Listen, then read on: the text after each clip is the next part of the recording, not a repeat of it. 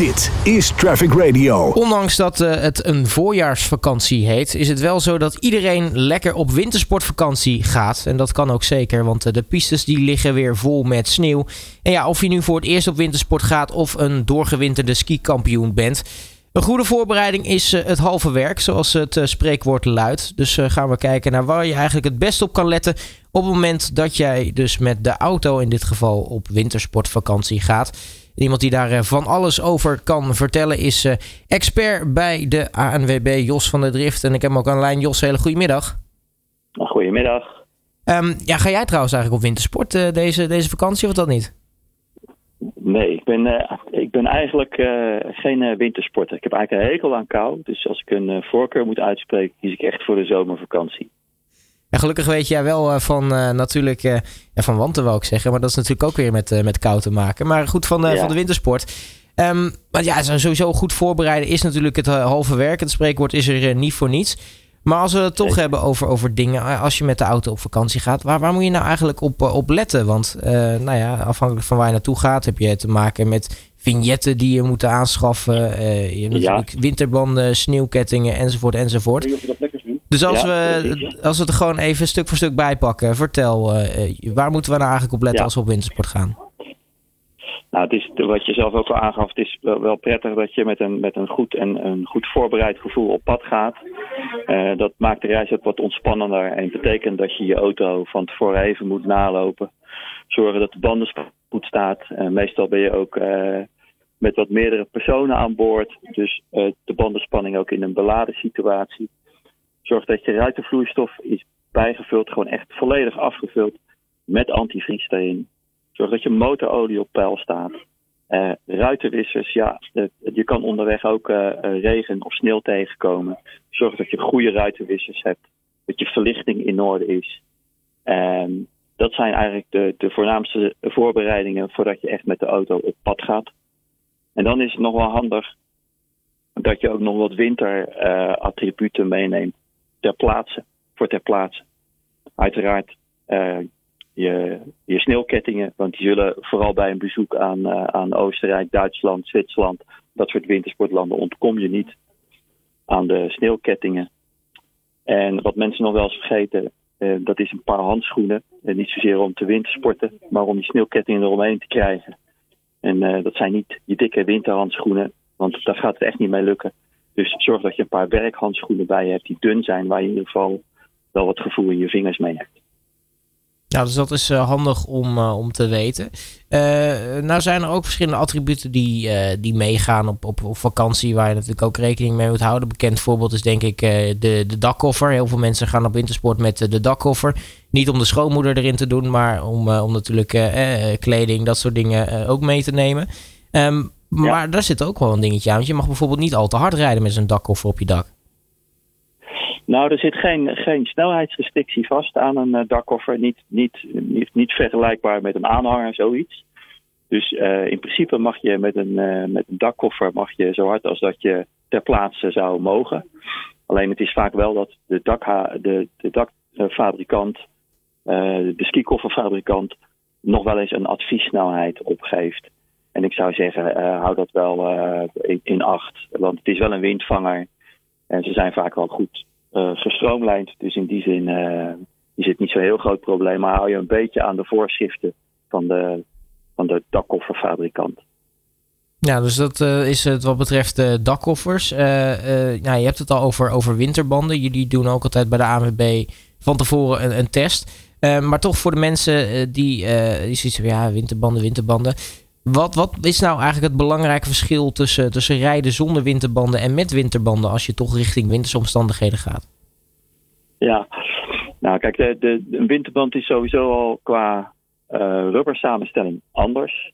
Die blijft langer flexibel onder koude omstandigheden, dat is één. En het tweede, en dat zie je aan het profiel. Het is niet zo dat een winterbandprofiel er grof uitziet, zoals veel mensen denken. Nee, hij ziet er juist heel verfijnd uit met hele kleine lamellen en inkepingjes. En eigenlijk moet je het zo zien dat op het moment dat die band een besneeuwde ondergrond raakt, dan gaat gaan die lamellen als het ware openstaan en grijpen zich vast in de sneeuw. Nou, om, om maar even een heel simpel voorbeeld te geven wat het verschil is tussen de zomerband en de winterband onder winterse omstandigheden. Als je, als je zo rond de 50 km per uur rijdt en je gaat remmen, dan zal je met een zomerband twee keer zo lang qua afstand erover doen voordat hij stilstaat. En om, om mij al even aan te geven dat een winterband in een wintersportachtige omgeving is uh, pure noodzaak. Je kan echt niet zonder. Sowieso mag je niet zonder. Maar je kan ook gewoon niet zonder. Nou, dus dat is even om ook gewoon het belang aan te geven voor goede, goede winterbanden. dan noemden we ook al even de sneeuwkettingen. Um, waar, moet nou een, kwalitatief goede sneeuwketting aan, aan, aan voldoen? Nou, er zijn, er zijn vele geuren, kleuren en smaken. Ik denk niet dat je kan zeggen er zijn slechte sneeuwkettingen. Over het algemeen is het ook zo dat er gaan soms uh, wintersportwinters voorbij dat je, ze niet, dat je ze niet uit de achterbak haalt. Uh, dus ze worden uh, over het algemeen door, door Nederlanders niet heel intensief gebruikt. Niet zo intensief als de plaatselijke, plaatselijke bevolking al daar. Maar voor een goede sneeuwketting hoef je in de regel niet meer dan 100 of 120 euro uit te geven. Dan heb je gewoon een uitstekende ketting. Het is alleen belangrijk dat je de ketting koopt die hoort bij de band. En dat je ketting ook koopt die ook hoort bij de auto. Want daar gaat het nog wel eens fout. Uh, er zijn auto's die hebben een, een bandenmaat um, eronder zitten. Waar een ketting eigenlijk niet meer past. Uh, dus ook dat is een soort voorbereiding op je reis. Weet, weet van je auto wat eronder kan en wat eronder mag. Zodat je niet daags voor, de, voor het vertrek erachter komt dat sneeuwkettingen helemaal niet toepasbaar zijn voor jouw auto. En dat gebeurt en dat komt eigenlijk steeds vaker voor, want we zien banden steeds platter worden, we zien ze steeds breder worden, waardoor er, er steeds minder plek is voor een sneeuwketting. Dus wees daar wel op voorbereid. En mocht je dan uh, wel een band hebben waar een, een sneeuwketting uh, overheen past, kun, je, kun je tips geven hoe je het nou het beste omlegt? Want nou ja, vaak zat, zie je toch mensen een beetje klungelen met het omleggen van een sneeuwketting. Zeker als ze het de eerste keer doen. Zeker. En vooral wanneer je onder omstandigheden bent dat het koud is en het is glad en het is donker. Dus doe dat, doe dat gewoon vooraf thuis. Gewoon even uitproberen. Over het algemeen is het zo dat goede sneeuwkettingen, de fabrikanten daarvan, hebben hartstikke goede instructiefilmpjes. Zo'n filmpje kan je eventueel ook op je telefoon uh, terugvinden of downloaden. Uh, maar het is handig om gewoon thuis voor de deur met daglicht, om het gewoon eens even uit te proberen.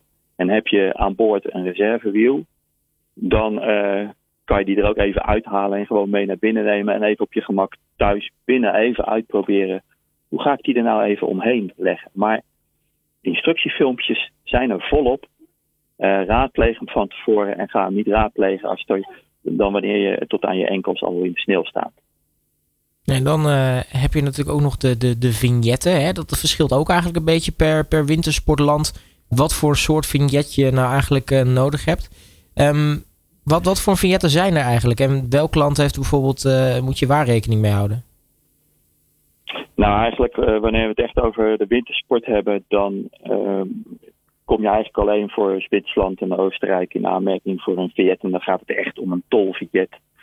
Het is ook altijd wel slim om die van tevoren aan te schaffen. Die zijn ook gewoon bij de ANWB-winkels te koop. Je kan ze ook bij de grens aanschaffen. Maar misschien zijn er dan net weer wat lange wachtrijen al daar. Um, um, voor Duitsland kan een milieuvignet van belang zijn. Maar eigenlijk alleen van belang wanneer je in een van die uh, steden gaat bivakeren waar zo'n milieuzone van toepassing is. Maar ben je op doorreis richting Oostenrijk, bijvoorbeeld Zwitserland, heb je voor Duitsland geen milieuvignet nodig. Dus het is eigenlijk voornamelijk tol voor Oostenrijk en Zwitserland. Ja, dus uh, daar ook, uh, ook inderdaad goed, uh, goed even over, over nadenken. tot slot, ja, we hebben al natuurlijk heel erg veel genoemd. Maar, maar zijn er nog gouden tips die, die je hebt voor de mensen die, die op wintersportvakantie gaan in de volgende vakantie? Ja, nou ja, kijk, het verkeer kan natuurlijk buitengewoon druk zijn. Um, onderweg kan het wel zo zijn dat je op zoek bent of op zoek gaat naar een alternatieve route. Soms is het slim om, buiten het feit dat de meeste mensen een navigatiesysteem aan boord hebben, dat het soms wel eens handig is dat iemand nog een kaart op zijn schoot kan openvouwen en kan zeggen van joh, als we nou zo en zo rijden, dan kunnen we daar weer op. Dus neem bijvoorbeeld een uh, kaart mee van mijn part een routekaart, die ook nog bij de AWB gratis te krijgen zijn. Nou, over de vignetten hebben we het al gehad. Sommige mensen gaan onderweg toch nog uh, overnachten. Uh, bespreek dat ruim van tevoren. Want heel veel mensen gaan ter plaatse ergens een overnachtingsplek zoeken. En dan is het ineens allemaal vol. Dus boek dat van tevoren. Uh, het, oefenen met sneeuwketting, dat hebben we al ter sprake gebracht. En eigenlijk tot slot de, de verkeersinformatie onderweg. De ABB houdt de actuele verkeersinformatie bij. Dus ook voor mensen die op weg zijn naar de wintersport, zoals we dat ook voor de zomervakantie ook altijd doen. Dus volg de actuele verkeersinformatie eventueel ook via uh, abb.nl. Nou, volgens mij uh, de mensen die deze podcast luisteren zijn, gaan heel goed voorbereid op, op wintersportvakantie. Jos van der Drift, een van de experts bij de ANWB, mag ik je hartelijk danken voor je tijd. En ja, jij veel plezier en succes met het opzoeken van de zon dan, hè? Goed zo, ja, ja, ja. Hopelijk heel gauw. Dankjewel en voor iedereen die luistert uh, en op weg gaat naar wintersport, een fijne vakantie toegewenst en vooral veilig. Dit is Traffic Radio.